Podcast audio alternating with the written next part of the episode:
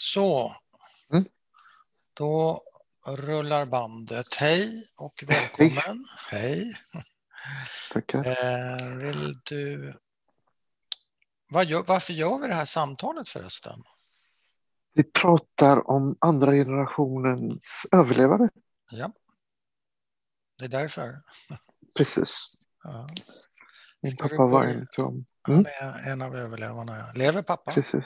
Nej, han gick bort förra året tyvärr. Ja, jag beklagar. Tack, tack. Eh, hur gammal blev han? Han blev cirkus 82 till 84 där någonstans. Mm, Okej, Jag vet inte riktigt exakt när han föddes. nej. Så, så kan det vara ibland. Eh, vill du börja med att presentera dig själv och berätta Mm. lite om din bakgrund? Jag heter eh, Bagir Kviek och jag är 49 år gammal, bor i Göteborg och jobbar för tillfället som Sveriges läsambassadör. Vad betyder det? Eh, Just denna gången så är den här läsambassadören som jag är eh, inriktning på minoriteten romer.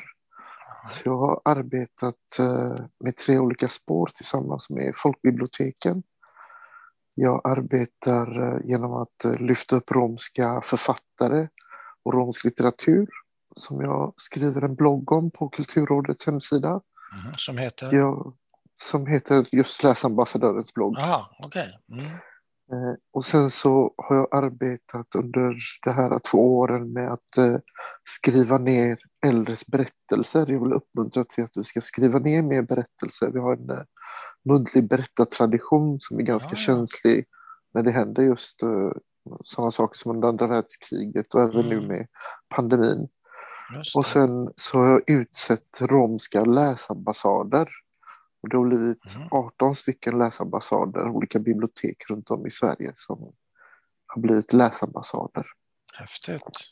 Mm. Är, det, är det här på uppdrag och finansierat av Kulturrådet eller? Precis, precis. Ja. Och tidigare så har jag arbetat med utställningar, bland annat eh, Via Romer-utställningen som var Göteborgs stadsmuseum. Mm. Som reste runt i hela Sverige. Som var en stor succé här i Göteborg. Mm. Jag har även skrivit eh, en sagobok som heter Det var en gång det som inte var. Ja. Det är så Det romska var- sagor börjar. Jaså? Ja, Början, det var en gång det som det inte som var? inte var, precis. Mm. Och sen så har jag varit med i en antologi som heter Romer och resande berättelser. Där jag skrev en, en som hette Tre dagar i Auschwitz. Mm. Som handlade om eh, min upplevelse under tiden. Eh, jag var där för, för eh, 70, 70, var det 70 års? Det var 50 70 år årsjubileet. sedan, 70 70, eller- 70 år 70 år för, var det. förra året kanske? Nej, det var några år sedan. Ja, okej. Men då var jag där för det som kallades för zigenarnatten. När man eh, Ja. utrotade de sista levande romerna som far, fanns kvar i Auschwitz. Och så har jag gjort mycket annat också. Mycket annat också. Vi, vi är delvis i samma bransch du och jag, berättarbranschen. Ja, det Mm. Det var en gång det som inte var. Ja. Var ska vi börja den här? Det är ju ingen saga för all del, men det är ju en berättelse. Hur, hur, Mm. um, har du några tankar om hur vi ska lägga upp det? Man kan ju börja från början, det vill Så- dina föräldrar kanske, eller man kan börja Mm. idag, eller man kan börja... Ja. Det är vilket som passar dig bäst. Jag, jag har ju inte så stor vana med, med, att, med att berätta alltid om, om pappas bakgrund, men jag har gjort det ett par gånger. Så, så vi kanske Ja. ska börja med pappa. Ja. Eh, pappa föddes i Polen precis i, lite innan andra världskriget började i närheten av Tarnów i Polen. Mm. Och eh, han var en av de släkterna i Polen som blev eh, hårt drabbad under andra världskriget. Eh, romerna var ju också föremål för utrotning under den här tiden. Absolut. Ja, vad hette pappa? Pappa hette Bronislav Kviek, fast eh, på romanes så hette han Dolfi. Dolphy. Och Dolphy. betyder det någonting, Dolphy? Nej, det var ett eh, namn bara. som, som, som de fick ifrån grekiskan. Mm. Dolphy. släkten troligtvis hade rest igenom ifrån. Ah, ja. Är det som Delphi? Oraklet Ja, i precis. Delphi? Oraklet i Precis. Dolphy? men, men vad jobbade Dolphys föräldrar? Hur, vad, vad föddes han in i för familj och hur var Mm. deras liv? Hos, hos romer så är det uppdelat i olika, eh, kan man säga, kastliknande system har vi från Indien. Mm. Och just pappas släkt var de som arbetade med metall. Så de var metallarbetare, de tillverkade grytor och stekpannor och knivar och eh, Mm. eh, många av dem, även min släkt, var inblandade med att bygga upp kyrkor, eh, dekorationer i kyrkor och så vidare. Mm. Så att de hade ganska bra försörjning och eh, kunde resa runt och eh, försörja sig på sitt metallarbete. De kallas för Mm. gelderara. Det är just de som är metallarbetare. Eh, Kunde man, var det då man också höll på med det som kallas för förtändning? Precis, förtändning och förtunning gjorde de också. förtändning, förtunning, Ja, ja. För det var väl en speciell kunskap Precis, det var en kunskap. bland romer, det var väl en expertis som man Det var det hade? definitivt. Och De, de kunde försörja sig väldigt bra på det här. Ja. Det var eftertraktade kunskaper att kunna. Mm. Så man reste runt från olika städer och byar och eh, kunde försörja sig på sitt Men- yrke. Var det själv, alltså om jag förstår dig rätt så var då farfar och farmor och pappa och syskon kanske, Mm. att de inte var bofasta utan de var ambulerande, de åkte runt. Men och var det självvalt? Var Mm. det liksom för att kunna få jobb på olika ställen eller fick man inte stanna? Hur Mm. såg det ut?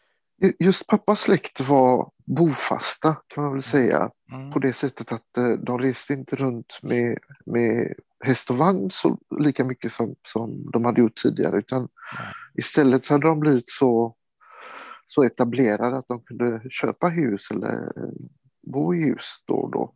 I Tarnov eller? I Tarnov, i närheten av Tarnov. ja. Eh, Så att de, de bodde eh, ofta i lägenheter och så vidare. Mm. Men de reste ju runt från stad till stad beroende på hur det gick eh, med arbetet så att säga. Så att eh, de var inte främmande för att flytta till, vidare till Warszawa och så vidare. Och flyttar hela familjen då så att säga? Nej, utan, utan eh, stora delar av familjen. En del av släkten var utspridd Ja. i, i hela Polen. Aha. Eh, Så de fanns både i Tarnov, eh, Krakow, Warszawa Mm. och andra delar i Polen också. Mm. Och hade pappa syskon?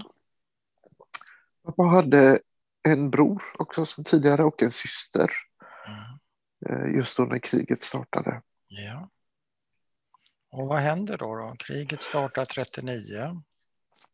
Pappa är mer eller mindre nyfödd kanske, eller en liten bebis. Ja, han är, han är några år i varje fall. Han är kommer några ihåg, år. Ja. Ja, han kommer ihåg eh, när tyskarna kom in i Polen. Han gör det? Okej. Ja, så det kan vara så att han har varit lite äldre än så.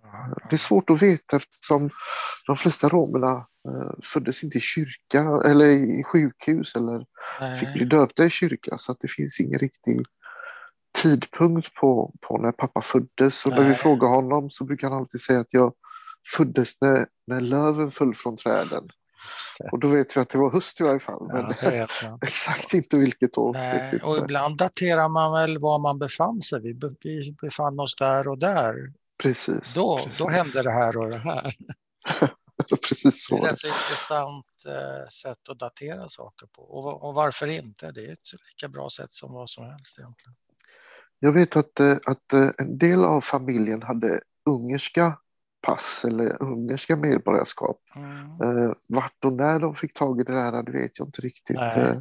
Medan andra hade polska pass och så vidare, eller uppehållstillstånd om man ska kalla det för det. Ja. Och hade så- pappa, vad var pappa då? Var han polsk med, var Han var polsk. medborgare? Ja. Ja, han var polsk. Han var polsk. Men jag vet att farmor och farfar hade ungerska Ja, eh, papper. ja okej. Och eh, just då så befann de sig i närheten av Tarnov Mm. men eh, begav sig ganska fort mot Warszawa. Och det var då kriget bröt ut och min farfar blev bortförd av tyska soldater. och honom fick de inte se mera utan det var, det var den enda gången. eh, Det var sista gången man såg honom var när han blev bortförd. Och jag har aldrig fått något svar om vad som hände med honom Nej. eller hur han gick bort eller vad som hände. Och hur greps han på gatan? Vet du det? Eller hur gick det Han till? greps på gatan, ja. Han hade gått iväg för att eh, handla bröd. Alltså vi, vi har inte riktigt eh, klarlagt exakt vad som hände. Nej, Jag har fått höra från en del av släktingarna att han gick iväg till staden för att byta till sig bröd eller mediciner. För Mm, han hade fått en liten son till min farbror, Jurko. mm, Eh, och då blev han arresterad i staden mm. eh, och blev bortförd. Och vi fick aldrig svar eh, om Nej. vad som hade hänt honom. Eh, farfars far var och sökte efter honom och eh, Ja. frågade. Ja, Men eh, insåg snabbt att eh, snart kommer de och hämtar oss också. ja, just det. Så att de eh, gav sig iväg med häst och vagn och försökte fly tillbaka till Tarnov-området. Mm. Och vet du hur många, hur många är de då som flyr? Vet, har du koll på det? Ungefär en 30-40 stycken är det som, som flyr från min familj. Ja, samma klan eller vad säger man? Precis, precis. Okej, 30-40 ja. Och, och då, så då är det ett antal hästar och ett antal vagnar givetvis. Ja, De trängde ihop sig så mycket de kunde ja, så gav sig iväg mot Tarnov där eh, en stor del av släkten befann sig fortfarande. Ja. Men var det täckta vagnar också? Eller var de De hade täckta vagnar. ja, De täckta hade täckta vagnar? vagnar. Mm. Eh, gamla sådana klassiska vagnar som många romer reste runt med. Just det. Mm. Så de gav sig iväg mot Tarnov och Mm. eh, blir stoppade på vägen Okej. och eh, blir uppraddade mot väggarna och ska avrättas av tyska soldater. Ja. Och just i det ögonblicket så valde min, min, min farfars far och hans fru då att eh, tala lite tyst på, på ungerska. De eh, behärskade ungerska också. Och sa till varandra att eh, nu, nu är det ute med oss, nu kommer de att mörda oss allihopa. Och de hade min pappa bredvid sig. Mm. Och eh, den här eh, tyske officeraren hörde att de pratade ungerska och avbröt eh, avrättningen och frågade dem vad var det för språk ni pratar. Och sa vi, vi pratar ungerska, vi är ungrare. Vi har ungerska dokument. Men varför sa ni inte det med en gång? Vi, vi skulle avrätta er. Eh, För vi trodde att ni var zigenare. Och eh, det visade sig att den här tyska officeraren hade, eh, var från Ungern och eh, hade bott i Ungern just i närheten av där eh, min gammal farfar eh, hade levt också. Så Så då var det okej av- helt plötsligt? Ja, då avbröt de eh, arkebuseringen och lät Ja. dem resa vidare. Och eh, de lyckades hålla sig undan ett tag till innan de blev... En, en fråga bara. Mm. Eh, har pappa någon minne av den här händelsen? Ja, det är han som har berättat den exakt. Han har berättat den här? Han har berättat den här händelsen exakt. Även eh, hans eh, syster Mary, som är några år äldre, Mm. berättar just om den här händelsen. Och då blir de eh, släppta och reser vidare tills de blir arresterade igen och blir förda till Pappa berättade att det var någon form av kyrka Mm. där de föste in alla människorna. Och han berättade att det var väldigt, väldigt mycket människor. Det var många människor utanför som var döda, som hade blivit skjutna eller som hade dött av svält Oj. eller vad det nu Ja. kunde vara. Ja. Och eh, inne i den kyrkan fick de vara ganska länge innan eh, kyrkans dörrar öppnades. Och så blir de, många av dem förda tillsammans med soldater och många, många andra människor. Jag hoppas att det var flera tusen människor som, Ja. som fick gå i en lång, långt led. Eh, och då skulle de föras till, eh, antagligen så var det tågvagnar. Okej. Eftersom många av dem som inte lyckades ta sig ut ur det här ledet eh, blir förda till Auschwitz och liknande och Ja. blir mördade då. Ja.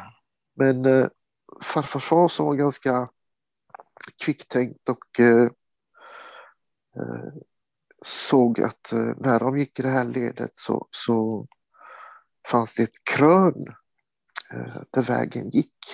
Liksom. Och på sidorna av de här det eh, långa ledet som de marscherade i så fanns ju soldater, men just i det krönet så fanns det inga soldater som kunde se i det ögonblicket. Så han drog med sig så många han kunde och hoppade in i buskage, träd som fanns där i närheten Mhm. och hukade sig snabbt där undan och eh, på så sätt så lyckades ta, de ta sig ut ur den här eh, marschen mot, mot eh, tågen som de eh, Ja. skulle iväg på. Och jag förmodar att pappa ingick i den Pappa ingick i den. som klarade sig. De, de höll honom hårt om handen. De hade Ja. precis blivit av med en son och eh, Ja. hans, eh, deras barnbarn. Just det. De höll honom hårt om handen och eh, lyckades gömma sig i de här eh, Var, var är det här någonstans? Vet du det? Det här är i, någonstans i närheten av Tarnov. De lyckats ta sig ganska nära Tarnov. Eh, Så att de, de lyckas komma undan. Och eh, pappa berättade att de eh, låg gömda väldigt, väldigt lång tid. Och att de kunde höra hur eh, de stängde igen kyrkan och eh, tände eld på kyrkan med, med resten av människorna som fanns där inne. De kunde skriken och eh, se röken som, som steg upp därifrån. Aha. Och trots att tyskarna och det här långa ledet hade eh, försvunnit ganska, ganska lång tid Mm. så vågade de ändå inte ta sig upp därifrån utan höll sig kvar tills det blev mörkt och eh, gick in i skogarna och gömde sig. Och eh, på kyrkogårdar och så vidare och höll sig undan eh, under några dagar. Ja. Och eh, Men då har de Eff- ingen mat, ingenting va? Eller? de har ingen mat eller någonting utan de Har de, lyckas... har de något att dricka? De har ingenting att dricka, ingenting att äta, eh, dåligt klädda. Eh, pappa hade inga skor utan eh, han fick, de använde tygbitar som kallas för patavé. Aha. Det är tygbitar som man lindar runt fötterna för att inte frysa eller göra sig illa på fötterna. Ja. För det Eh, här är höst va?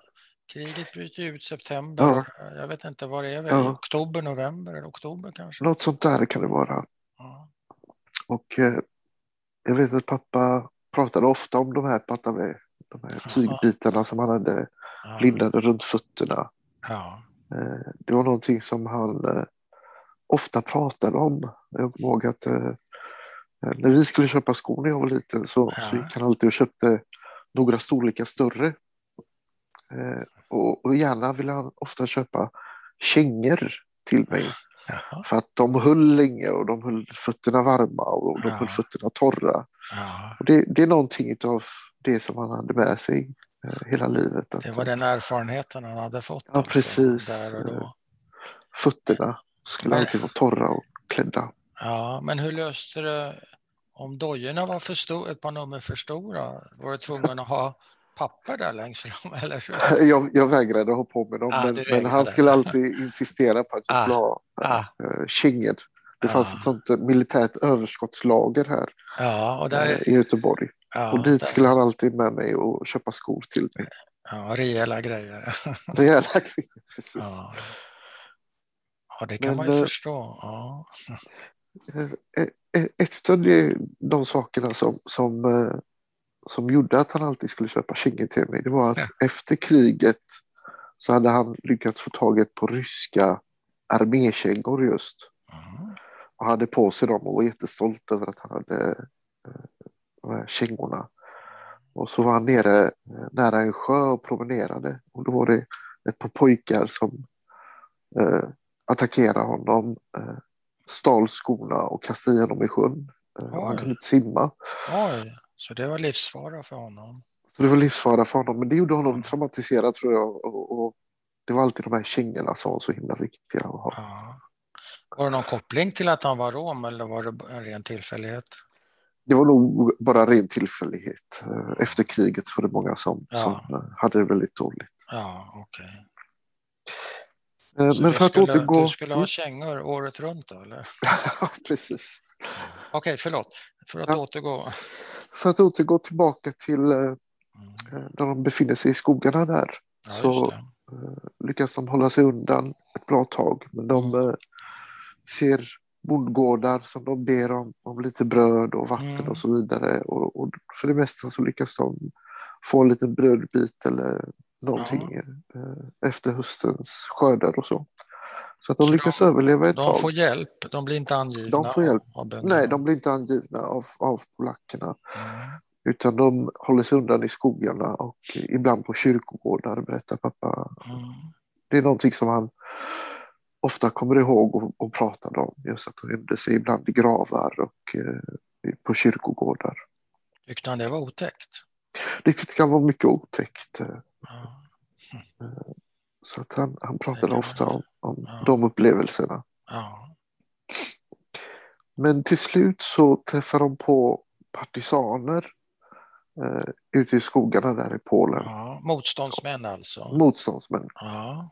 Och där lyckas de byta till sig en del eh, smycken som de har och eh, andra varor som de har. Och då lyckas de byta till sig lite olja och salt och socker och, och, så vidare. Mm. Så att de kan ta sig vidare.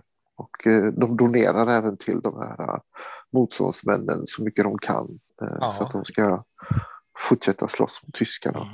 Doner, eh, du menar pengar alltså? Cash? Pengar, metall, eh, Ja. Lite allt möjligt vad de kunde byta till sig. Ja. Kläder, eh, en jacka eller något Men hur mycket fick de?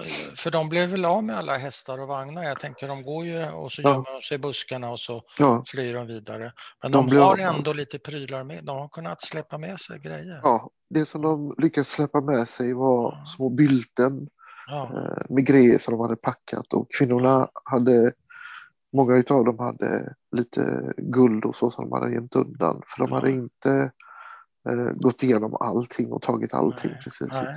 lite saker hade de med Mm. sig. Det var många människor som hade väskor och, och annat med sig också. Mm. Så de marscherade med. Så de, det blir lite bytesaffärer där med partisanerna Precis. och de stöttar dem på det sättet de kan. Det är ju fantastiskt att de Mm. har förmåga att tänka. De, de sitter ju själva i skiten så att säga. Definitivt, men romerna hade ändå eh, varit människor som har varit med om mycket hårt under sina liv och eh, var Mm. vana att tänka på fötterna och byta till sig och eh, Vad sa du, Eh, tänka på fötterna? tänka alltså att man är fötterna. kvick, Precis, man är kvick eller vad? Precis, Ja, ja. precis. Tänka på fötterna. Det är ett roligt uttryck. Ja, okej, så det, det är en tradition kan man säga att man, man byter och man hjälps åt. Man, man var van vid att göra byteshandel och Ja. eh, handla med människor och eh, kunde många språk och eh, lyckades alltid på något sätt överleva. Mm. Eh, och de håller sig göm- gömda under mesta delen av, av krigen. Eh, De Mm. försöker ta sig till Men till, var? eh, I, sko, I skogar eller hos bönder? i, sko i skogar, hos Ja. bönder. eh, kan de, får de gömma sig hos, i lador och sånt där? Ibland får de göra det, ibland var det sådana som jagade bort dem. Vad man gjorde oftast var att man skickade eh, kvinnorna eller barnen för Mm. att eh, tigga eller eh, Mm, se efter om, om de var välvilligt inställda. okej. Eh, eh, så att männen kunde se lite mer hotfulla ut kanske och Mm. folk eh, tyckte att det var lite, lite otäckt om en man dök Ja. upp utan eh, en kvinna med barn var det som de skickade fram oftast. Ja. Och ibland fick de hjälp och ibland fick de bo i s- Ibland fick de fly, helt enkelt, ja. fly, ja. Eh, måste göra upp eld och-. Mm. Det var väldigt tufft. Eh, Pappa kommer ihåg eh, både människor som frös ihjäl och, och svalt ihjäl under den här tiden som Mm.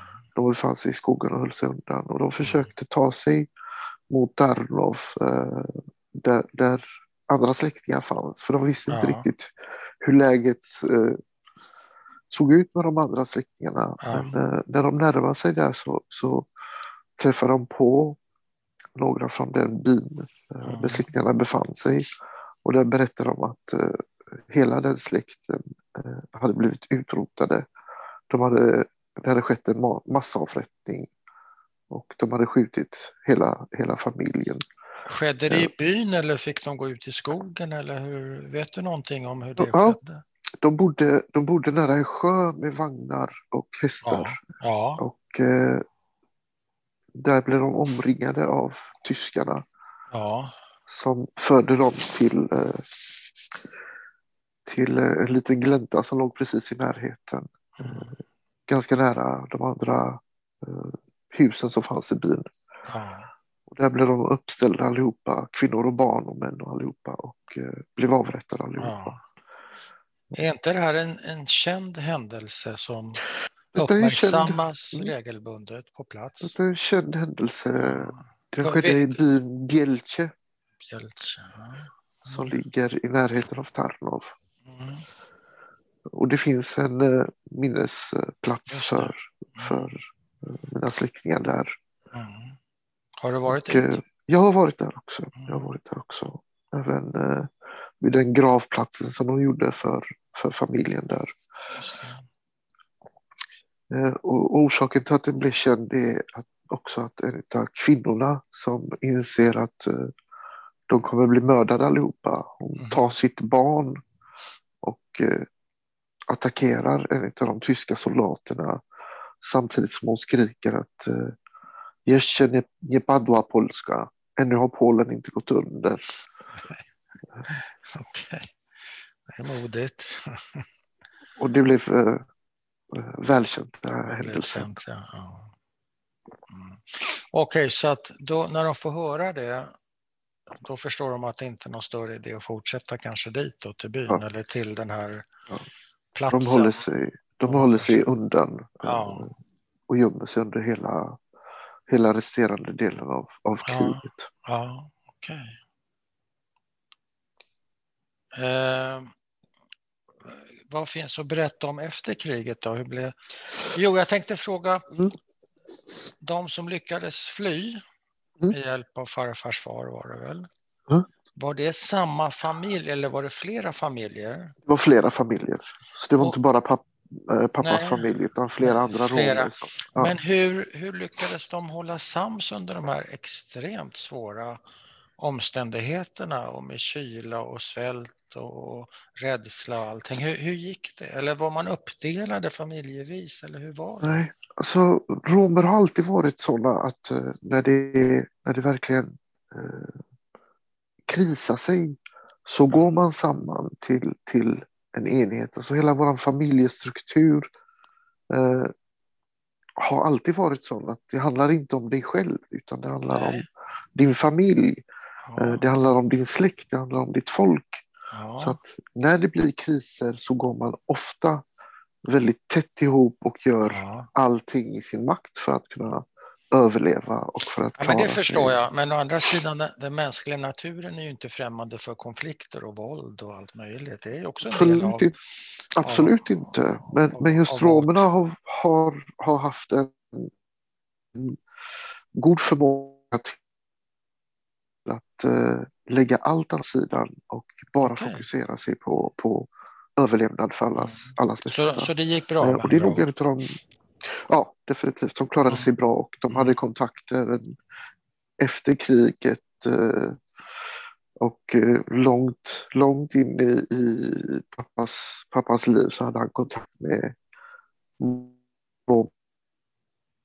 man träffade på ute i skogen som levde tillsammans med under den här tiden.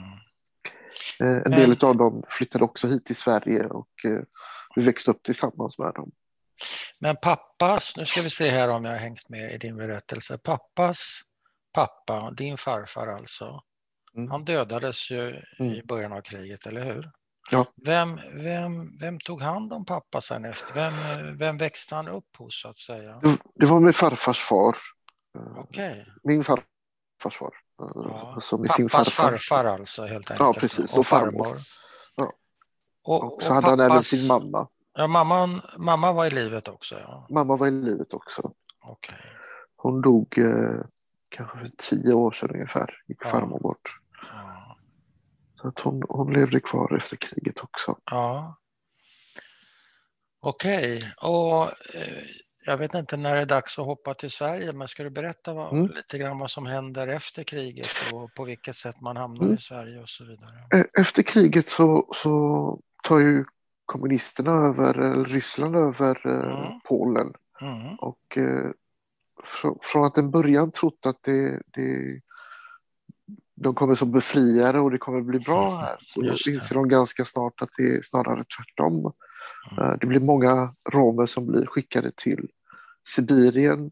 Mm. Eh, En del av våra släktingar blir också skickade till Sibirien. Och eh, då väljer de att eh, lämna Polen. Mm. De inser ganska snart att det här är inte hållbart. Det går inte att leva kvar i Polen. Eh, Det är dags för nästa utrotning nästan. Så att de eh, flyr från Polen. Och på den tiden så var det enklare att resa mellan kommunistiska länder. Så att de väljer Mm. att eh, resa in till Jugoslavien som det heter då. Mm. Så de reser till Jugoslavien. I Polen så är det så otroligt många utav våra släkt som har blivit mördade så att det finns inte så många kvar. Mm. Det är kanske 50-60 procent utav dem som, som tillhör vår släkt som är en utav de större släkterna som fanns i Polen. Eh, De, de har blivit mördade och utrotade. Hur många är det ungefär? 50-60 procent cirka? Eh, Ungefär 300-400 Oj, eh, utav bara vår egen släkt blir mördade under den tiden. Så att eh, det är nästan ofattbart. det, det är ofattbart. För Det är det, det är ofattbart. personer som du har haft relation till, eller inte du, vad de är, som din pappa eller din farfar Ja. har haft relationer till mer eller mindre. Släktingar, farbröder, Ja, ja, men som, har, som har ingått i något slags sammanhang. Ja, I både fest och sorg givetvis. Och de är borta bara, 300. de är borta. Eh, Jag än idag inte vet, vet vad, vad allihopa tog vägen och Nej, hur man mördade dem. För att eh, med romer så gjorde man oftast så att man, man mördade dem på plats. Eh, Man Ja. skrev inte ner namn och, och så vidare utan man, man sköt dem på plats och så skickar gick man dem inte vidare. till förintelseläger eller in i getton? Gjorde man också. gjorde Ja, man men, också. inte, men inte bara Men inte alltid, nej. Utan avrättade på plats ofta. på platsen. och Då finns det inga spår kvar, det är klart. Då är slut. Nej. Ja. Så, så Så pappa de väljer vilket... till Jugoslavien? Jugoslavien. Och där är de under ganska många år. Mm. Och eh, där träffar han min mamma som är, levde i Kosovo. Eh, Mm. Kosovo-delen av Jugoslavien. Mm. Och eh, de träffas och eh, gifter sig och flyttar till Zagreb som ligger i Kroatien nu. Och Är sen, det, eh, är det, får fråga, jag vet inte hur det funkar så jag kanske Mm. avslöjar min okunnighet. Men är det ett arrangerat äktenskap eller har de träffats så att säga på egen hand? Nej, de träffas på egen hand. De Ja. träffas på egen hand. Eh, Ja. Mamma, Förekommer det arrangerade äktenskap annars? det gjorde det på den tiden. Ja, det ja. gjorde det på den tiden definitivt. Eh, ja. Inte längre, men, men på den tiden så gjorde Mm. det definitivt det. Men de träffas på egen hand. De träffas på egen hand. Och hur? Hur går det till? Mamma har växt upp föräldralös på, på gatorna i Kosovo. Oj. Så hon arbetar som städerska på hotell och hos privatpersoner och så vidare. Men varför och, eh, föräldralös? Eh, Hennes föräldrar dog eh, när hon var bara några månader. Båda två, så att hon Av, hade ingen sjuk, som av kunde... sjukdom?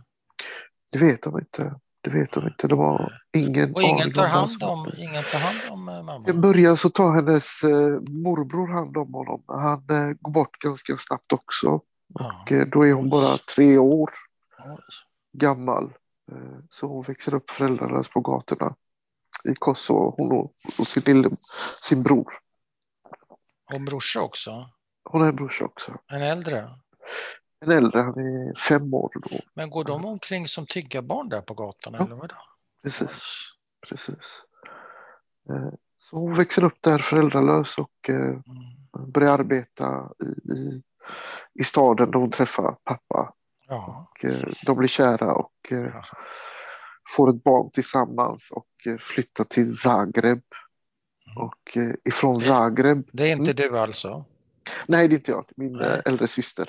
Din äldre syster? Okej. Eh, Och sen så föds jag också. Vad heter mamma förresten? Mamma heter Selima. Selima? Selima ja. Hon tillhör eh, gruppen eh, eh, romer som, som kommer från Kosovo just då. Mm. Eh, Och de är muslimer, orientaliska romer kallar, kallar vi dem för. Ja. Och pappa är polsk eh, katolik rom. Jaha. Så det, det är en blandning där alltså. Det är Är det, van, är det vanligt att man gifter sig över religionsgränserna? Om det Ja, är... reli- re- religionen är inte så viktig hos oss, eh, vilken religion du tillhör. Det, det är identiteten som rom som är viktigast Ja. egentligen. Är det, ovan, är det ovanligt med, vad ska vi kalla det för, mixade äktenskap, alltså en rom, en icke-rom?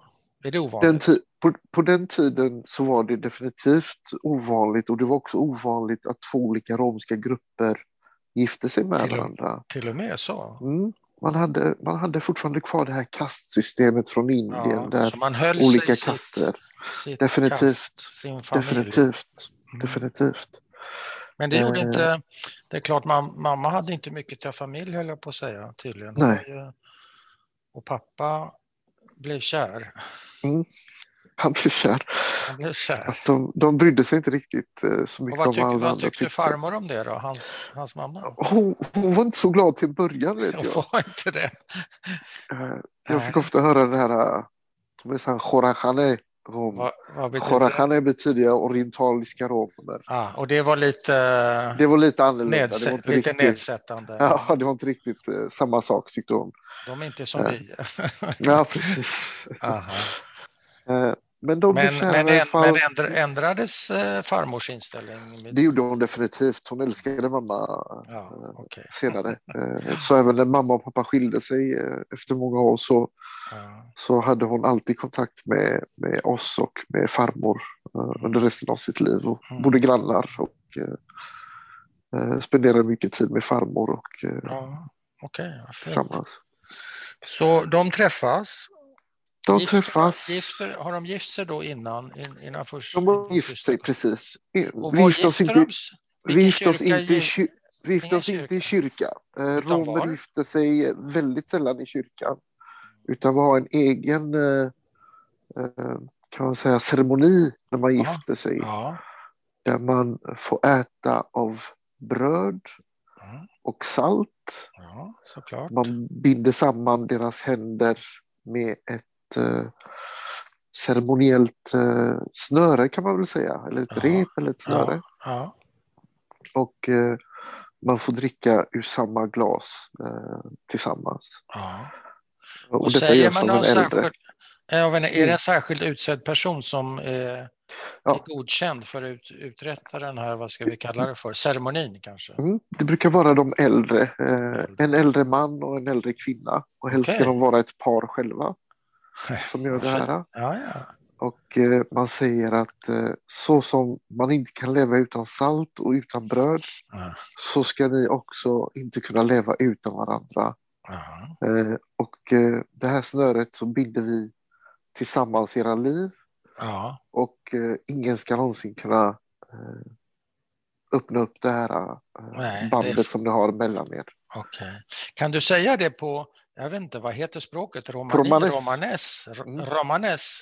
Romanes. Ja, kan, du, kan du säga det här på romanes? Det vore Ja. fint att höra. Eh, Sarkaichibiris trais bilondeske hai bimangeske chitume tenabirinte train biekavresko. Det är saltet och brödet. Mhm. Eh, Pandavas tumarotrayo andoiktan mekadidori. Aisar pandavas tumandoiktan koniktena birute putreu. Det är om, om snöret då, eller Snöret. Fint. Vackert. Det är ett vackert språk. Ja, det tycker jag. Det tycker Det jag. är fint. Lite, eh, jag försöker, man försöker liksom placera in det. Jag tänker ibland lite slaviskt, men nej, inte slaviskt. Alltså det, Det, är finns, lite- det finns lite låneord från, från Ja, de olika länderna som har rest igenom. Just det. men annars är det ett indiskt språk. ja, jo, men det har jag förstått. Ja, det var fint att höra. Men är det, en är det ett stort kalas då som mamma och pappa har? Eller? Eh, De två har inte så stort eftersom eh, många av släktingarna är, Ja, är, är döda och försvunna och skingrade Mm. över hela Europa. Så att de har inte någon, någon större fest. Nej. Men en del av de romerna som pappa höll sig gömd med under kriget eh, Ja. finns där. Ja. Så att de gör en liten fest och eh, bjuder på, på restaurang och så. Mm. Men vanligt sett så brukar det vara tre dagar fest. Mm. Så Och, tre dagar. mycket, och mycket folk. Mycket, mycket, mycket folk. Ja. Jättemycket folk. Mm. Så det var både, gissar jag, rätta mig om jag har fel, det var både en glädjens dag men kanske också en sorgens dag. Det var det definitivt. För det var många, Många- som saknades. Många som saknades och många som fortfarande försökte söka via Röda Mm. Korset och så vidare Mm, mm. efter släktingar och inte kunde få svar.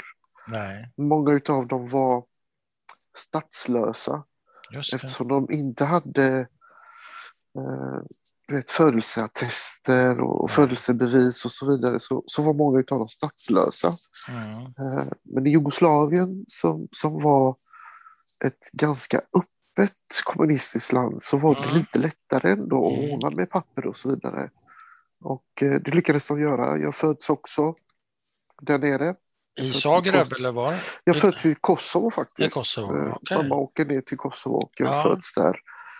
Eh, så Varför åker de- hon dit och föder dig? Eh, Hon, hon har sin bror där nere och vill träffa familjen och så vidare Okej, också. Så att ja. hon åker ner. Och visa upp dig kanske? Precis, visa upp min syster rättare sagt. Jag Ja, föds ja. där nere när hon Ja, nere. okej. Så jag föds i Kosovo. Och vet du, vet, du, har, vet du ditt födelseår? Jag är född 1971. Mm. Jag är född 1971. Mm.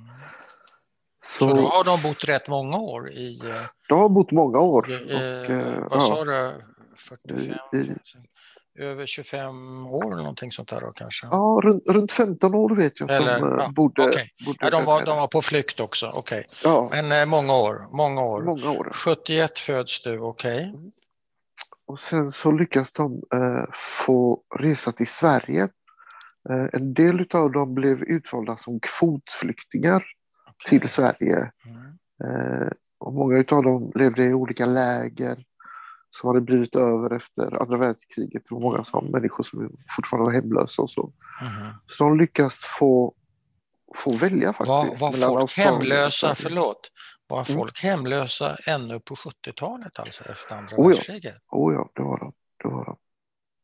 Det var många som inte hade någonstans Rä, räknades utan- de som, eh, det fanns ju en term, efter eh, andra världskriget så brukar man tala om DPs, Displaced Persons. Och de bodde i DP camps och det kunde man göra i tio år. Men det här har jag aldrig hört talas om för det här Mm. handlar om eh, just 25 år eller någonting sånt där. Det Mm. verkar ju helt eh, orimligt länge. Det var många, många som levde i de här lägren. Eh, Mamma och pappa bodde inte i lägret utan de Nej. hade skaffat lägenhet i Zagreb. Och, eh, vi har faktiskt en adress eh, fortfarande kvar bland pappas papper eh, där han visar att, eh, vilken adress de bodde i Zagreb. Ja, ja. Kommer du ihåg någonting från den här tiden? Nej, jag kommer inte ihåg Du är för någonting. liten. Mm. Jag är för liten. Vi kommer till Sverige 73. Och vart kommer Mm. ni då? Då kommer vi till Flen flyktingläger. Ja, eh, Eller flyktingförläggning kanske det hette på den tiden. ja. Eh, Och där bor vi också i något år, två. Mm. eh, innan vi får eh, uppehållstillstånd eh, i Sverige. Och eftersom vi inte hade något medborgarskap så fick vi de här främlingspassen som fanns då på den tiden, kommer jag ihåg. Ja. Eh, Men, men vi får stanna kvar i Sverige och jag har ett jättefint eh, tidningsurklipp som pappa sparade där Jaha. han tackar den svenska kungen för att han har låtit oss stanna kvar i Sverige. Träff, träffas de alltså personligen? Nej, nej, Nej, utan, men utan han, eh, han säger han det till, tackar. till Ja, reportern. Ja, ja. Han tackar kungen Ja. Varför inte? Och var, var hamnar ni då, då efter Flen? flyttar vi till Göteborg. Och varför Göteborg? Eh, det var lite närmare till, eh, till eh, kontinenten. Eh, det fanns andra romer Ja, här i Göteborg också. Eh, ja, en del ungerska romer som var farmors släktingar ja. hade kommit hit något år tidigare. Okej, så ni, det fanns lite ett sammanhang kanske för er. Precis. Vad är ditt första minne skulle du säga från ditt liv här? Mitt första minne är nog att jag tittar ut genom fönstret på gården. Mhm. Eh, och det är lite mörkt eh, och, och lite kallt och sådär eh, tomt. Och jag undrar om eh, vi ska få gå ut och leka där och, och vad, det Ja. finns, om det finns, vad det finns för barn. Ja, just det. Ser du några barn? Nej, inte just då, men? Det sen, sen, sen, sen blir det barn. Vem blir det? Sen blir det massa barn. Ja. Och vad, vilken stadsdel är det här? Det här är Bergsjön där jag har Bergsjön. växt, Mm. växt upp hela mitt liv. Mm. Och jag bor fortfarande kvar i, i I Bergsjön. Bergsjönsområdet. Ja.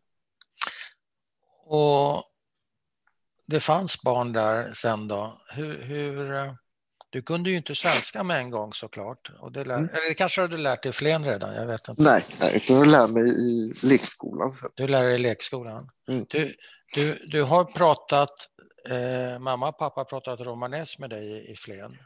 Mm. Ja, vad, ska, vad, ska, vad ska de annars prata förresten? De. Väl, nej, Nej, såklart. Men hur går det för dig att få kompisar då, när du inte har språket? Det är ganska svårt faktiskt. Bergsjön är ett lite tufft område också på den tiden. Så att det, Mm. var, det var lite svårt att växa upp eh, och få kompisar och så vidare. Det var det. Eh, Ja, så att, Blev eh, du vi mobbad? oss definitivt mobbad Definitivt. under många, många år. Oh, ja. Oh, ja. Det var en del av min vardag. Och hur gick det? Hur kunde det, hur kunde det gå till? Jag var misshandlad många gånger, hotad, slagen. Kunde inte gå ut och leka med barnen. eh, Och det här höll på ända upp till sjätte klass ungefär. Oj! Sjätte klass, då är du 12 eller något sånt där va? Ja, Shit! Och du kommer till Bergsjön när du är vad? Tre, fyra år eller nej? är fyra år. Ja. Fyra. De, Det är åtta år du pratar, åtta år av misshandel. mm. Hur reagerar mamma och pappa på det här? Eh, Mamma är ju som en mamma och försöker skydda en så mycket hon kan men Ja. det är så många syskon att hon klarar inte av och, och eh, ta hand om allihopa samtidigt. Eh, Hur många pappa, syskon har, har ni blivit då? Eh, då har vi blivit eh, en, två, tre, fyra, fem stycken Mm. till slut. Inklusive dig. Och pappa då, hur, eh, hur Pappa är lite, lite hårdare utav sig. Jaha. Så han säger till mig att eh, du går ut. Det var en dag jag kommer ihåg jag hade kommit hem från skolan Aha. och på vägen från min skola så passerar en annan skola där eh, fyra, fem killar hoppar på mig. Eh, det är någon tjej som säger ta, ta den där zigenarungen. Eh, de är jävla zigenare. oj. Så de hoppar på mig och misshandlar mig. Ja. Fyra, hem, fem blå- killar. Ja, Modigt. De, de slår på mig ganska ordentligt. Så jag kommer hem och berättar. eh, De ser att jag är blåslagen. Ja. Och då säger pappa att eh, du går ut, du väntar vid skolan och du kommer inte hem förrän du har slagit allihopa. Eh, Oj. så det var hans sätt att, att hantera det. All, du ska slå ner fem stycken, det är rätt så mycket Ja. begärt. Du det? får inte komma tillbaka hem förrän du har Nej. klarat det. Hur går det? Det går inte så bra. Eh, jag väntar och väntar eh, livrädd eh, och Ja. till slut så, så vågar inte jag stanna kvar längre. Nej, vad bra. Jag, jag går iväg. Du hade ju kunnat bli ihjälslagen på kuppen givetvis. Oh ja, oh ja. Det kunde ha hänt. Men Men varje det var fall till, pappas lösning. Och det, är klart Det var det, fanns, pappas lösning. det kanske fanns en omtanke om, vad tänker du om det idag, det, det, det kravet han eh, ställde på dig? För du går i, vadå, du går i första andra klass när han kräver det här? Ja, ja. Eh, jag, Sju, åtta jag, eh, jag Vad vet att du om det? jag hade ju aldrig gjort så med min son idag. Nej, det får jag hoppas. så- när min son har, har haft något bråk i skolan Ja. eller någonting har hänt Ja. så, så är det ju det sista jag säger till honom att du går ut och, och slår, slår tillbaka utan snarare tvärtom försöker lära honom hur han ska hantera det och eh, Ja, vem man ska prata med och Såklart. eh, följa med till skolan i så fall. Och, ja just det. Ja. Men pappa kanske inte hade de resurserna riktigt som du har, möjligen. Alltså, nej, nej. Pappa, pappa växte upp under en väldigt tuff tid. Han var traumatiserad efter kriget eh, av de händelserna som Ja. hände under hans liv, under Ja. hans uppväxt. Ja. Så att eh, han, han försöker så gott han kan utifrån Såklart. de upplevelserna som han har varit igenom Mm. och som har format honom i hans liv. Mm. Eh, Och, och, och så är det helt enkelt. Jag, jag klandrar Och vad inte dem. tänker du? Du klandrar inte honom för det? Nej, absolut inte. Nej. Det var så han hade lärt sig, eller vad han kunde. Ja, vad han kunde Komma fram komma på. Ja. Kunde behärskade han svenska, pappa? Pappa behärskade svenska och många språk också. Ja. Eh, Ja, Jag tänkte på vilka möjligheter han hade, men han kanske inte kände sig trygg att gå till skolan och snacka där och sådär? Jag vet inte. Nej, de, de fick gå i, i skolan här, eh, i vuxenskolan här, de kallar det Ja. för, för zigenarskola. Yes. Eh, och då, då fick vem, de gå vem där. kallar det för det? Det var myndigheterna här i Göteborg som, som Zigenarskola, kallade det för Ja, det hette zigenarskolan. Och där fick de gå några vuxna för att försöka lära sig Men, svenska. men jag syftar inte på det, utan jag syftar på om han var trygg att gå till din skola, till din klass och prata Nej. med, med din Nej. lärare och dina och så vidare. Och så vidare. Nej. Alltså, många romer, och det är någonting som finns kvar än idag bland många romer, det är att man litar under inga omständigheter på några myndigheter Nej. överhuvudtaget. Nej. Och man ska ha så lite som möjligt med dem att Ja. göra. Eh, Ja, men man har, man har ju ingen, inget underlag för något annat. Nej. Alltså med tanke på erfarenheterna. Absolut inte. Det verkar väldigt Absolut. rationellt. Det är ob- obegripligt för mig som svensk, ja, men det, om man börjar tänka lite så, Mm. så är det rätt så rationellt egentligen. Så, att, Så, så det var ingenting för honom att gå till din skola och snacka med någon lärare. Det, nej, det nej, fanns inte. Nej. Så han hade det fanns inte... inte alls. Nej. Jag tror du- mina föräldrar aldrig var på ett enda föräldramöte under hela Nej. min skolgång. Nej, Jag var i och för sig också dålig på att gå på föräldramöten. Det finns, kan finnas många skäl. Men jag förstår vad du menar. De kände sig inte hemma där. Nej. Men får jag fråga, möjligen en känslig fråga att ställa, men, Mm. och du behöver inte svara på den. Du sa Mm. ju att du hade en son. Mm. Hur gammal är han? Jag har en son som är 16 och en Ja. som är 5. Ja. Har, har någon av dem eller båda också, eh, vad ska vi säga, förföljts för att de är romer, kallats zigenarjävlar? Ja. Det, det fortsätter alltså? Och det fortsätter. Har- Och det gäller med, både din äldre och din yngre, eller? Inte min yngre, han har inte gått Nej. i skola eller Nej, dagis. men din äldre har fått uppleva samma grejer Ja. alltså? Jag har en dotter som, som fyller 17 nu och min son Ja. som fyller 16. Ja. Och de har gått i skola tillsammans. Och Ja. Eh, där har vi till och med anmält skolans personal till DO ja. på grund av Diskri- diskriminering. diskrimineringsombudsmannen. Ja. Ja. Ja. Och på på vilket av- sätt har de diskriminerats då, dina barn? De behandlade dem annorlunda. De eh, lät dem få stryk i skolan, blev mobbade av andra barn utan att reagera. Eh, skolsköterskan ringde hem till oss och påstod att min dotter såg dåligt, eh, att hon behövde glasögon. Men jag sa, Ja. men vi har, vi har nyligen varit och gjort ett ögontest i vårdcentralen och det visar sig att hon ser jättebra. Så det måste ha varit något fel du har gjort där. Eh, och min fru är lite, lite mera, kan man väl säga, lite aggressivare i sin framtoning. Och tyckte att eh, ni i skolan, ni har, ni har eh, behandlat mina barn hela tiden dåligt och eh, nu påstår, ljuger ni saker om att de är, Ja. ser dåligt Ja. och eh, de får inte hjälp i skolan. Nej. Och då säger den här sjuksköterskan, ja. men ni Ja, ni. zigenare, ni och eran ras, ni är så jävla besvärliga, Oj, säger hon. oj. Eh, Vilket, år, vilket århundrade är det här? Ja, det kan man, det kan man undra. Eh, lärarna, när jag kom till skolan och sa att eh, min son får stryk i skolan, de kallar honom för jävla zigenare, Ja. så säger de till mig, varför slår han inte tillbaka? Va?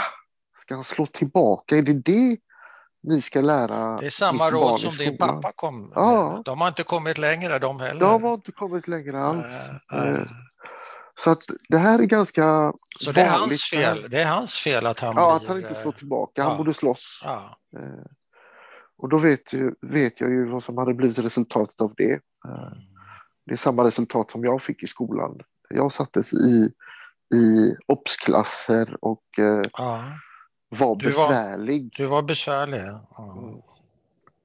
Hur gick det för dig i plugget? Som, som jag nämnde tidigare, jag fick stryk ända fram till sjätte klass ungefär. Aha. Eh, tills jag växte till mig och hade tränat kampsporter i några år. Och då slog jag varenda en som hade mobbat mig tillbaka. Ja. Eh, och, Pay, eh, payback.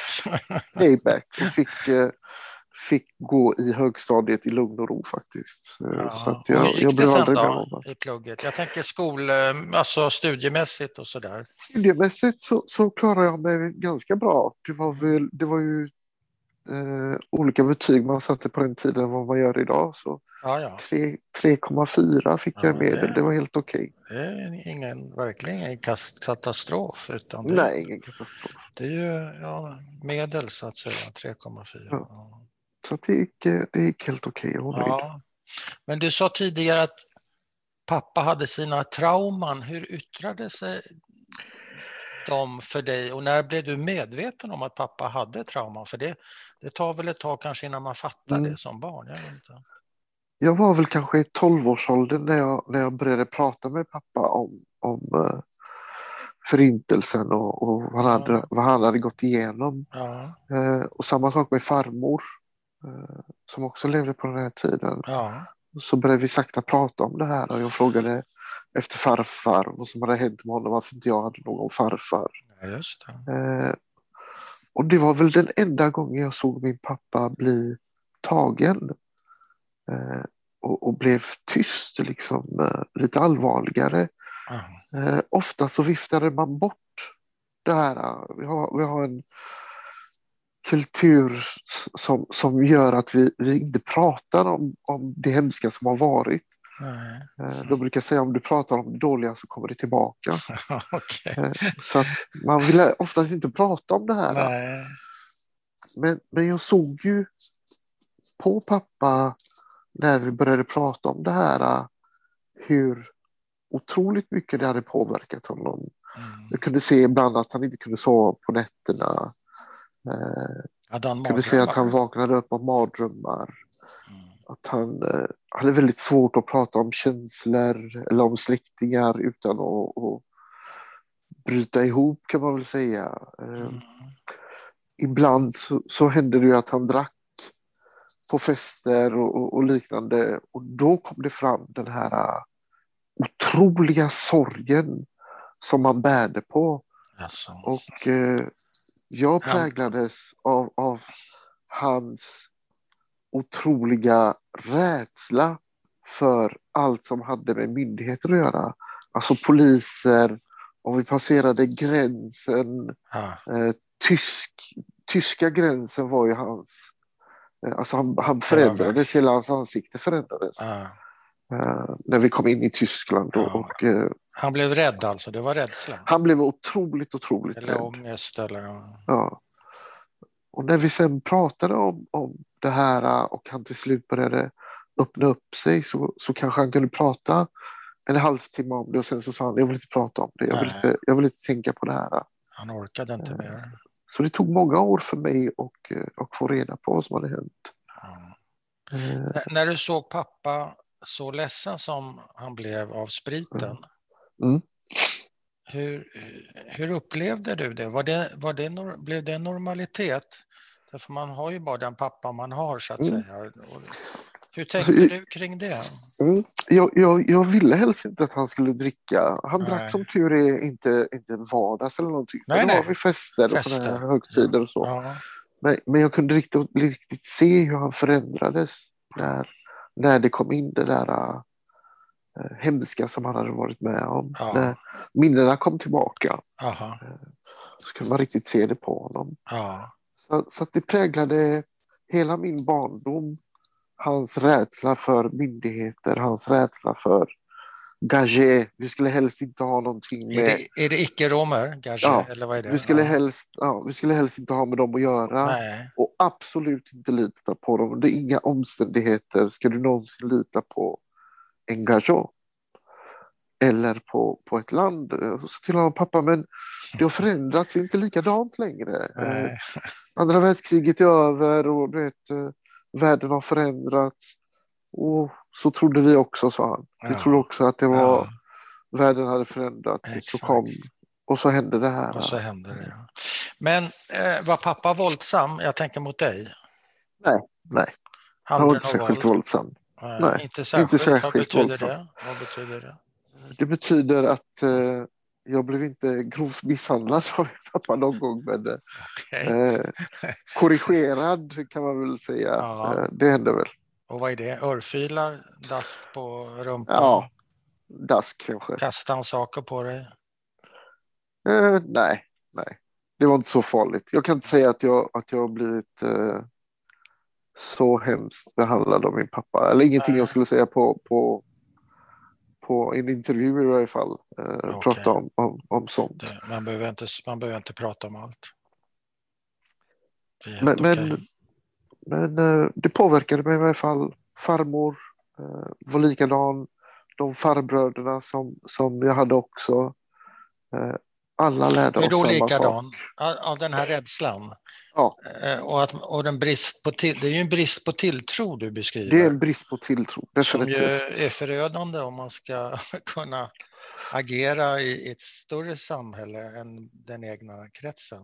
Har man Den är tilltro? Den, den är förödande på många sätt och vis. Men Ja. samtidigt så är det en mekanism som, Ja. som, som gör att vi är försiktiga och Ja. kanske kommer att överleva Ja, några hundra år till. ja, på goda grunder försiktiga, absolut. Det, det går att förstå. Men det är, det är ju samtidigt problematiskt såklart om man vill Mm.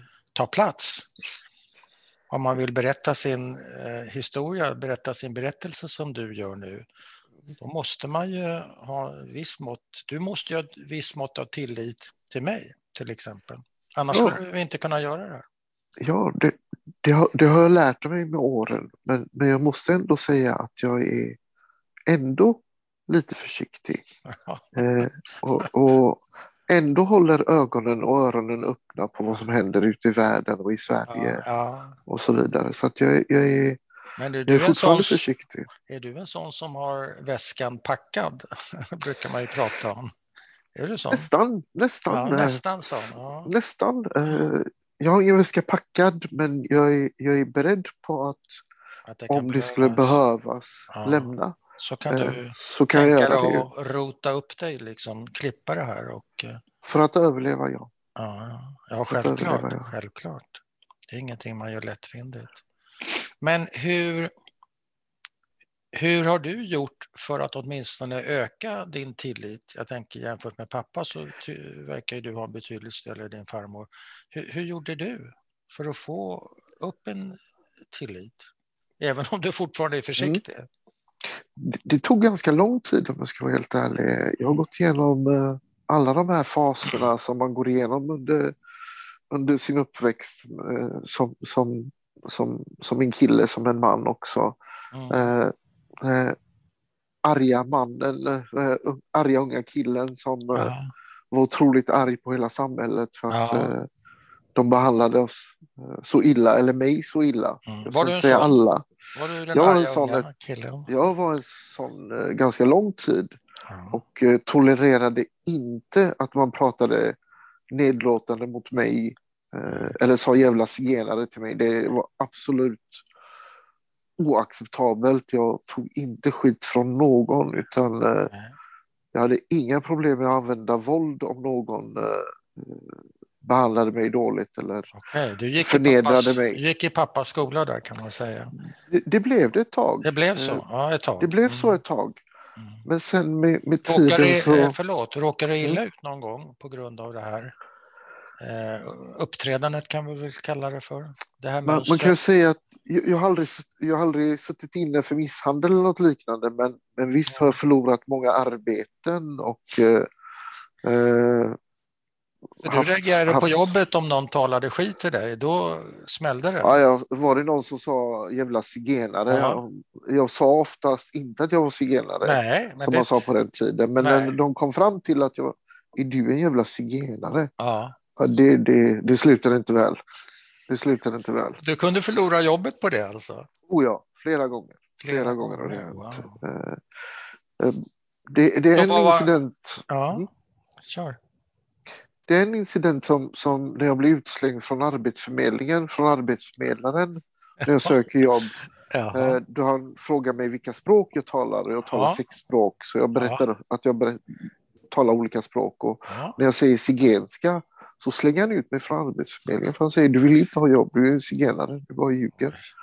Eh, Sådana saker under hela ens uppväxt. Lärare som säger jävla zigenare, du, du har inget land och eh, ni är skum allihopa, ni är skit allihopa. Ja. När du hör det här hela ditt liv, full med hormoner, full med orättvisa, full med eh, du vet, misshandel från barndomen, Ja, så förnedring. blir det till förnedring, så blir det till slut att du, du slår tillbaka. Om du inte har något annat sätt att uttrycka dig Nej, på och inte nej. har något annat sätt att slå tillbaka med, Nej. så blir det ju fysiskt. Ja, Men till slut så insåg jag att det här går ju inte. Jag kan, inte, jag kan inte hålla på och slåss varje gång. Utan istället för att slåss med svärdet så tog jag upp pennan istället och började, Ja. började använda det som ett vapen istället och började ja, förklara. Men om, om, varför säger du att du hatar zigenare? När du inte ens vet, du känner inte ens en zigenare, du har aldrig växt upp med en, du vet inte vad, nej, vad som har hänt, varför, varför jag är den jag är eller varför du hatar mig för den jag är. nej, nej. Du vet inte ens varför, så låt mig Nej. berätta först. Och då började jag berätta. Och då började jag lära känna min egna historia och förstod mig själv bättre, jag förstod mitt Mm. folk bättre. Och när jag berättar och förklarar så, så blir det en helt annan sak. Då helt plötsligt kan folk förstå vad det är som har hänt. Då kan de eh, helt plötsligt ändra sitt beteende, ändra sitt oförklarliga hat Mm, mot mig bara för att jag är rom. mm, Eh, Och börja behandla mig som en människa istället för, för en zigenare, om man ska säga så. mm. Det är som att, jag brukar säga det är som att, jag är inte arg på tyskarna för att de mördade min släkt under andra världskriget. Jag vet ju att alla tyskar inte är nazister. Eller jag hatar inte alla araber för att de har, någon, någon som är muslim har, har sprängt någonting eller gjort terrordåd. Jag vet ju att alla muslimer inte är terrorister. Precis. Och, och då kan du inte hata en rom bara för att han är rom. Du måste. Möta mig som en människa. Är jag en dålig människa? Låt gå. Mm, Men om jag är som alla andra och försöker mm, klara mig i världen och försöker mm, arbeta och, och anpassa mig till samhället och betala skatt och mm. försöker klara mig helt enkelt. Varför ska du då behandla mig illa eller förnedra mig eller utesluta mig på grund av eh, min bakgrund? Jag är svensk. Jag är svensk. Jag är en del av Sverige. Jag har romsk bakgrund. Men min identitet är svensk. Men jag är ändå lika mycket rom också och stolt Mm. över båda två. Men vilket är du i första hand? Är du svensk, rom eller är du romsk, svensk? Jag vet Kanske, faktiskt kanske en dum fråga. Vi- kan Jag måste bara säga jag tyckte ditt, din, det du precis har berättat var väldigt, väldigt fint att höra. Väldigt, väldigt välformulerat och eh, ja, sant i mina öron helt enkelt. Jag kan ju säga att när jag, när jag är utomlands på semester så säger jag att jag är från Sverige. Ja, jag säger det. inte att jag är rom. Nej, just det. Har du eh, funderat på att eh, återknyta kontakten med några av dina mobbare för att se hur det, en sån, ett sånt möte skulle gå, gå till? Eller har du haft kontakt med några av dina gamla mobbare? Mm. Jag, jag har växt upp med de flesta av dem i, i de här områdena. Mm. Och, eh, det är väl en kille som jag önskar jag kunde träffa nu i efterhand. För han var riktigt, eh, riktigt, riktigt hemsk. Och Ja, gav mig ofta armbågar och, och Mm. i, i, leden. Och eh, ute på skolgården så var det han som var ofta den som, som var initiativtagaren till Ja. det här. Honom önskar jag att jag kunde träffa, men, men eh, honom har jag inte sett mera. Men de andra blev, blev till slut vänner med och eh, växte Okej. upp tillsammans i samma områden och ja, ja. ser dem ibland i området ja. och så vidare. Redan under skoltiden löstes det? Redan under skoltiden, ja. Från sjuan och. Jag, jag, jag, jag tog på mig rollen att eh, skydda de som blev mobbade i skolan och eh, tillät ingen bli utsatt för samma sak som jag. Så att, eh, eh, Är du, är, du så, stor, är du stor och kraftig? Det är svårt att se på jag, jag, är inte, jag är inte så lång faktiskt, jag är bara Nej. 1,76 men, Ja, det är som men, jag. eh, det är långt. men- men tränade kampsporter under många Ja, år, det, ja. brottning och boxning och ja, ja, eh, okej. Då blev jag eh, Så du hade respekt. tuffaste killen i området och Mm. eh, den, den styrkan använde jag till att eh, skydda Ja, andra i, i skolan. Så att jag fick många vänner och blev omtyckt i Ja. skolan. ja, fint. Jag tänker på, vi har pratat rätt mycket om pappa eh, och hans trauma, men hur var det med mamma då? Du sa att hon kanske hade lite lägre profil, men jag tänker på era relation, hur var den och Mm. hur, hur blev Mam- det? Mam, mamma blev ju den som eh, tog sig eh, an den som styrde i familjen. Mamma, mamma styrde hela familjen och släkten kan man väl säga Mm. eh, när vi kom till Sverige. Hon fick den ekonomiska makten här och eh, hon var väldigt väldigt intelligent och kli, klipsk kvinna trots att hon aldrig gått i skolan och kunde läsa hon- ett ord på, så, så var hon gatusmart kan man väl Ja, säga. jag tänkte ju säga street smart, men du sa det bättre, gatusmart. Mm. Så, så hon växte, väx, försörjde familjen och, eh, och tog den ekonomiska makten och blev den som styrde i familjen. Mm. Eh, jättestark kvinna, jätteintelligent. Eh, hennes släktingar från Kosovo flyttade hit också till Sverige. Och eh, det, var, det är ungefär en 200 eh, kusiner och släktingar som både äldre och yngre, när mamma kommer in i rummet så ställer sig allihopa upp. Ingen sitter ner när mamma kommer in i rummet. Nej. Så hon var, en, hon var och är en stenhård kvinna som, som styrde släkten under många, många Så hon år. hade så mycket respekt med sig så att alla 200 reser sig upp och hälsar henne. Alla ställer sig upp. Wow. Alla ställer sig upp. Ingen får sitta ner när, när mamma kommer in i ett rum.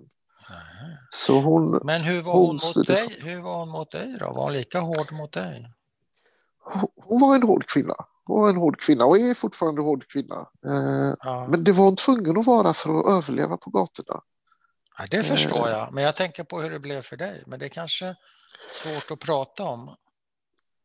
Det är svårt att prata om. Mam- Mamma var, var och är som sagt var en väldigt, väldigt hård och stark kvinna. Okej. Eh, vi hade...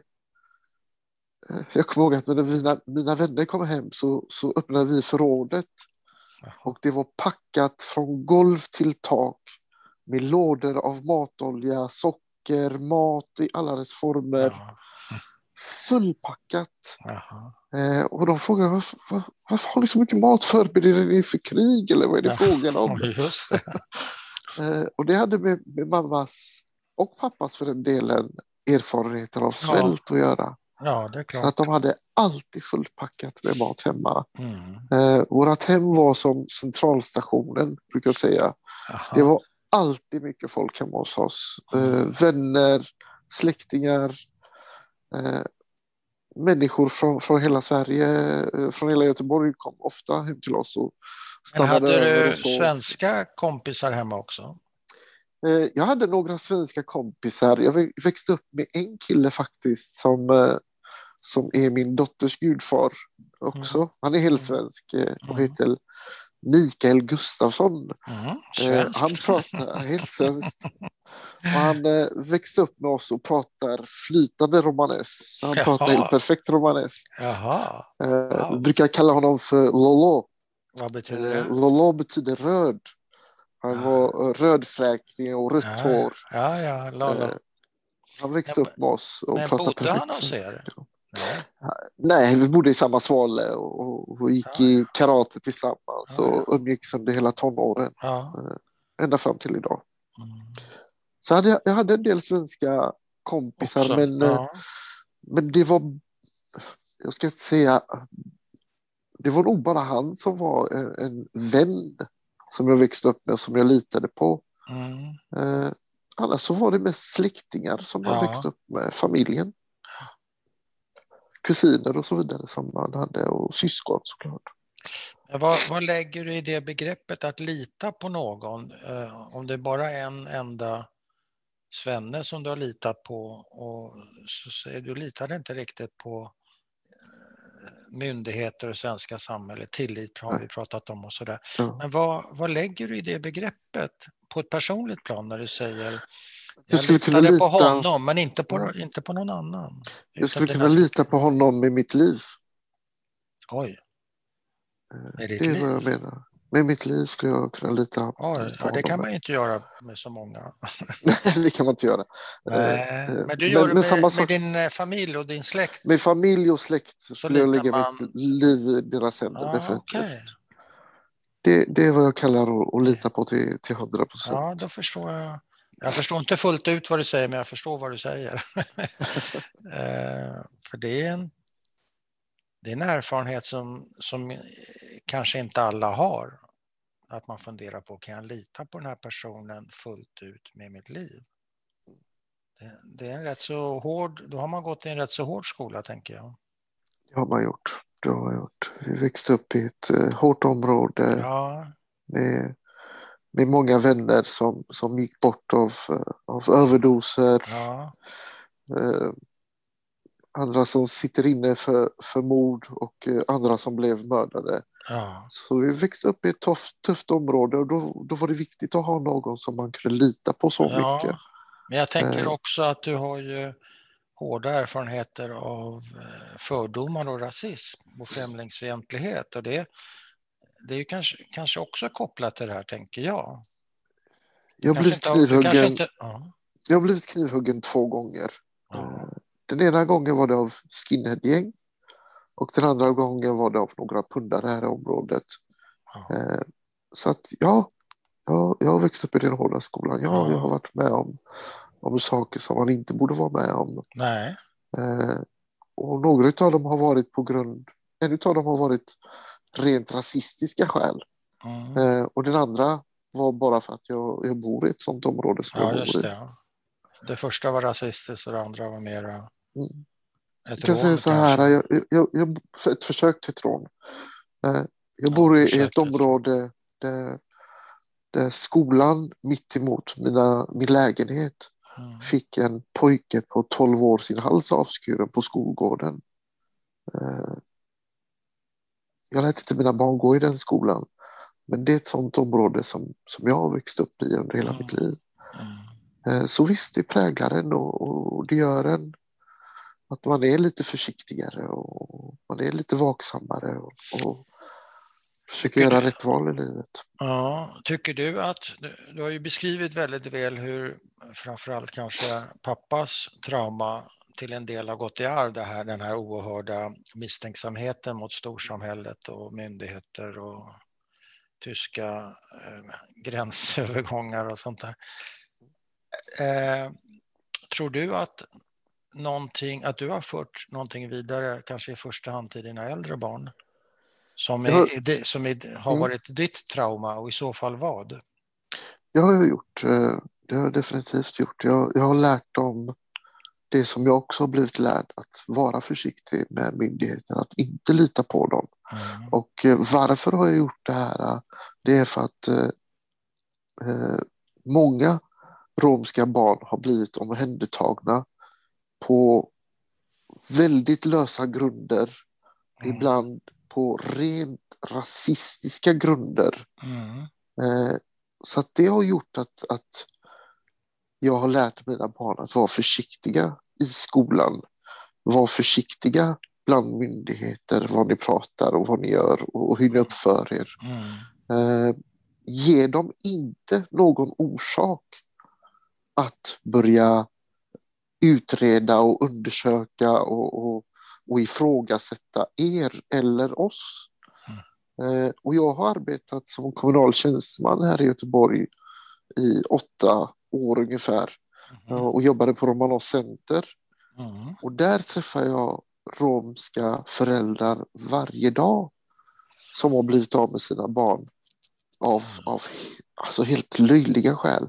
Det här är en ny form av, ska man säga, utrotning på ett sätt Ja. av romer där man tar ifrån dem deras barn och inte tillåter dem att få prata romanes, inte tillåter dem att ha kontakt med sin identitet, Mm. inte tillåter dem att ha kontakt med sin familj trots att lagen säger annorlunda. Mm. Eh, Så att jag, jag har lärt mina barn samma saker som jag har lärt Ja. mig. Och det är att vara försiktig. Att inte lita på myndigheterna. För att det är inte det läget ännu att kunna lita på, Nej, på tjänstemän och politiker ännu. det låter ju närmast som att det är livsfarligt. Det är Alltså livsfarligt. den, den Som erfarenheten Rom. har, har ju de flesta, sven, de flesta svenskar har ju kanske inte den erfarenheten. Nej. Men det du beskriver, det är ju helt rationellt att dra sig tillbaka därför jag kan bli av med mitt barn om jag inte passar mig.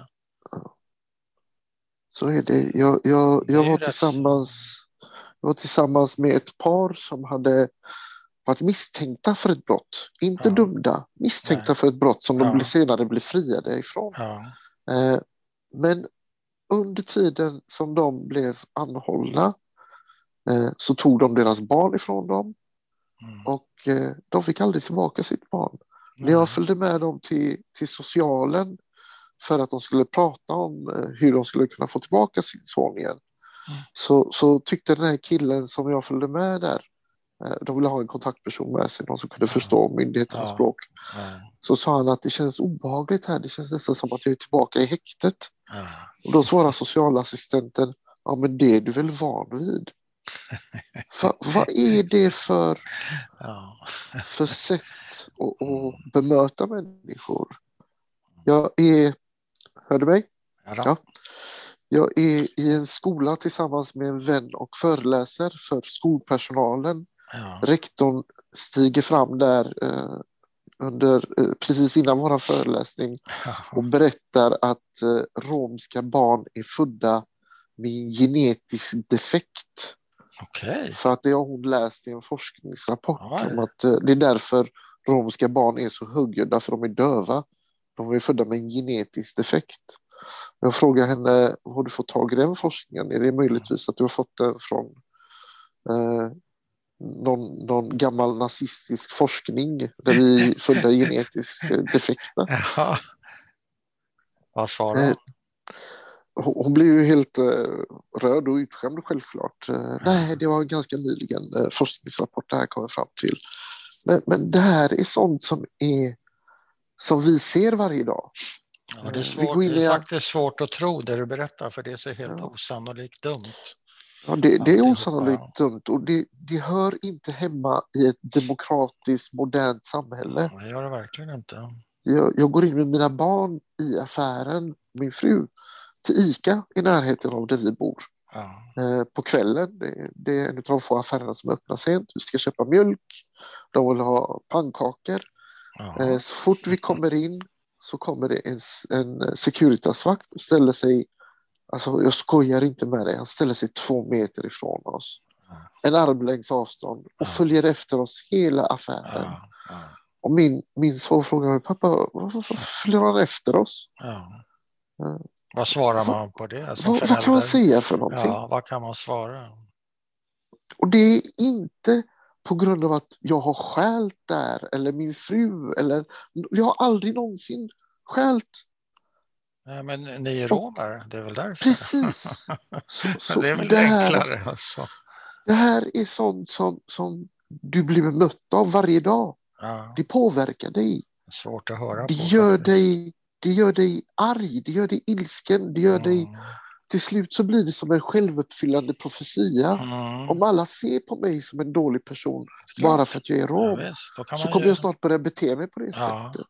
Men känner du ibland att du är på väg att bli den där arga unga killen igen som du har lämnat? Nej, Apropå att vilja Absolut. uppfylla de här negativa. För nej, folk absolut. försöker väl eh, trigga dig till att bli en sån igen, gissar jag. De kommer aldrig lyckas. Nej. Jag har lärt mig eh, av hur mycket jag kan förändra genom att berätta, Mm. genom att utbilda, genom att föreläsa, prata, skriva. Eh, jag har lärt mig, lärt mig att jag vinner så mycket mera på det här. Men ibland så måste jag säga att jag blir frustrerad Mm. Inte av situationen i Sverige, men av situationen som mitt folk eh, har i andra länder. Eh, då, då, blir man nästan sådär att man, alltså, vad, vad är det vi ska göra för att kunna mm. få leva ett vanligt liv, för att mm. inte bli mördade för att vi är romer, mm. för att inte bli kollektivt bestraffade eh, för att vi är romer i olika länder. För det är någonting som, som händer fortfarande. Ja. De blir mördade, de blir, de blir utsatta för förföljelse, för rasistiska påhopp, brända, skjutna, arresterade, förföljda fortfarande runt om i Europa. Så, så ibland blir jag frustrerad, men jag tänker att jag ska försöka göra en förändring här i Sverige. Jag ska försöka göra en förändring i min närmaste krets, i mitt land. Och sen så kanske vi kan hjälpa andra länder att, att bli lika bra som vi är här i Sverige. Mm. Det kan man bara säga amen till. Amen. Tack snälla för din berättelse. Den har varit stark, den har varit berörande, den har varit upprörande. Den har bitvis också varit rolig och intressant givetvis. Mycket god berättare har varit. Eh, väldigt kul att få lyssna och prata med dig. Tack ska du ha. Tack så mycket. Tack detsamma. Tack.